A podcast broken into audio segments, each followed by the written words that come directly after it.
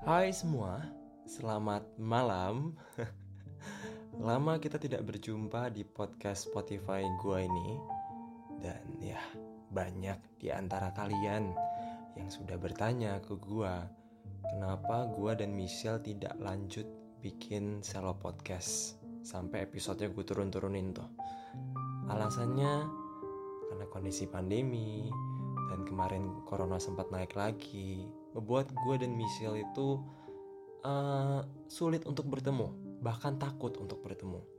Karena kan kesibukan gue dan Michelle cukup berbeda.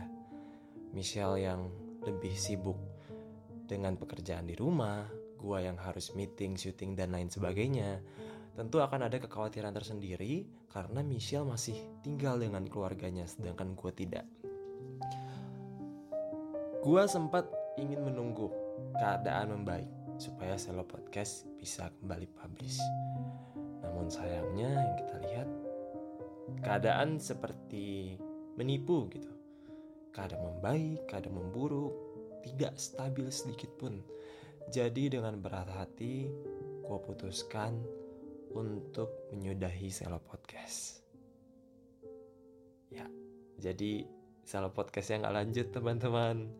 Karena perbedaan kesibukan dan pandemi. Tapi jangan sedih dulu karena meskipun selo podcast nggak lanjut, gue berkeinginan untuk tetap melanjutkan podcast ini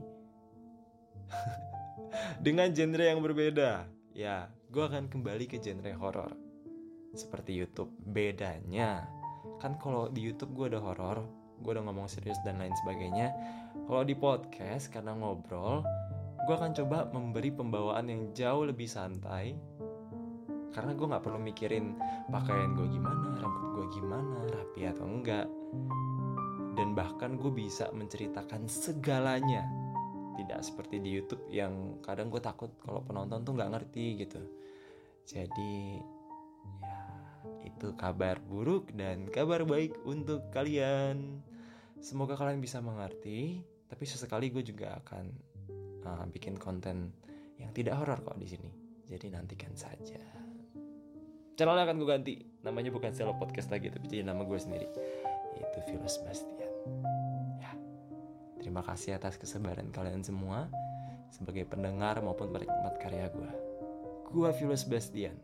Pamit. Sampai jumpa di episode berikutnya.